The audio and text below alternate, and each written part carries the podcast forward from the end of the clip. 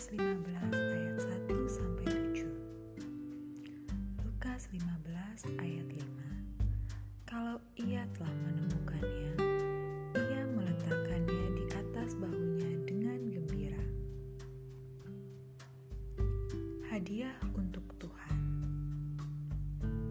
Bila mana Anda mengasihi seseorang, kesukaannya pasti penting bagi Anda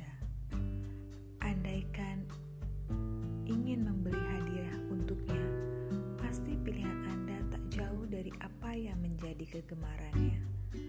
Mengapa?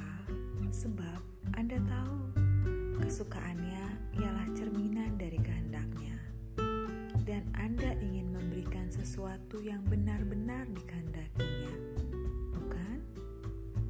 Dengan begitu, pada waktu ia menerimanya, dirinya diliputi kegembiraan.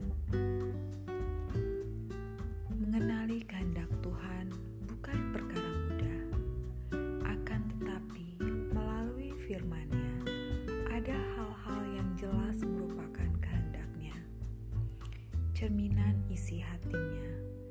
Itulah yang hendak Yesus nyatakan melalui perumpamaan domba, dirham, dan anak yang hilang di Lukas pasal 15.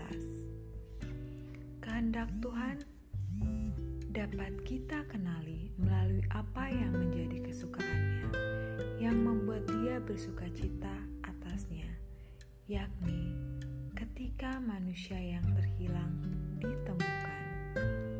Insan berdosa bertobat, itulah sukacita surga, itulah kehendaknya.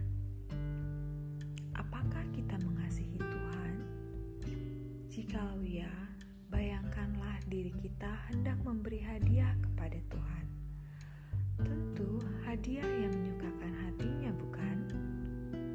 Apakah itu? Jangan ragu lagi, jangan bertanya lagi itu kehendaknya atau bukan.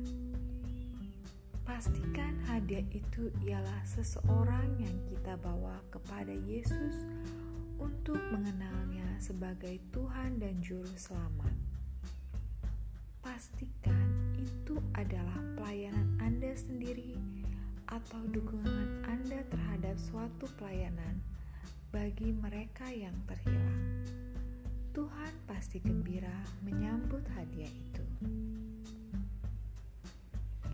Inti renungan kita hari ini ialah kesukaan Tuhan yang terbesar adalah pulangnya jiwa yang terhilang.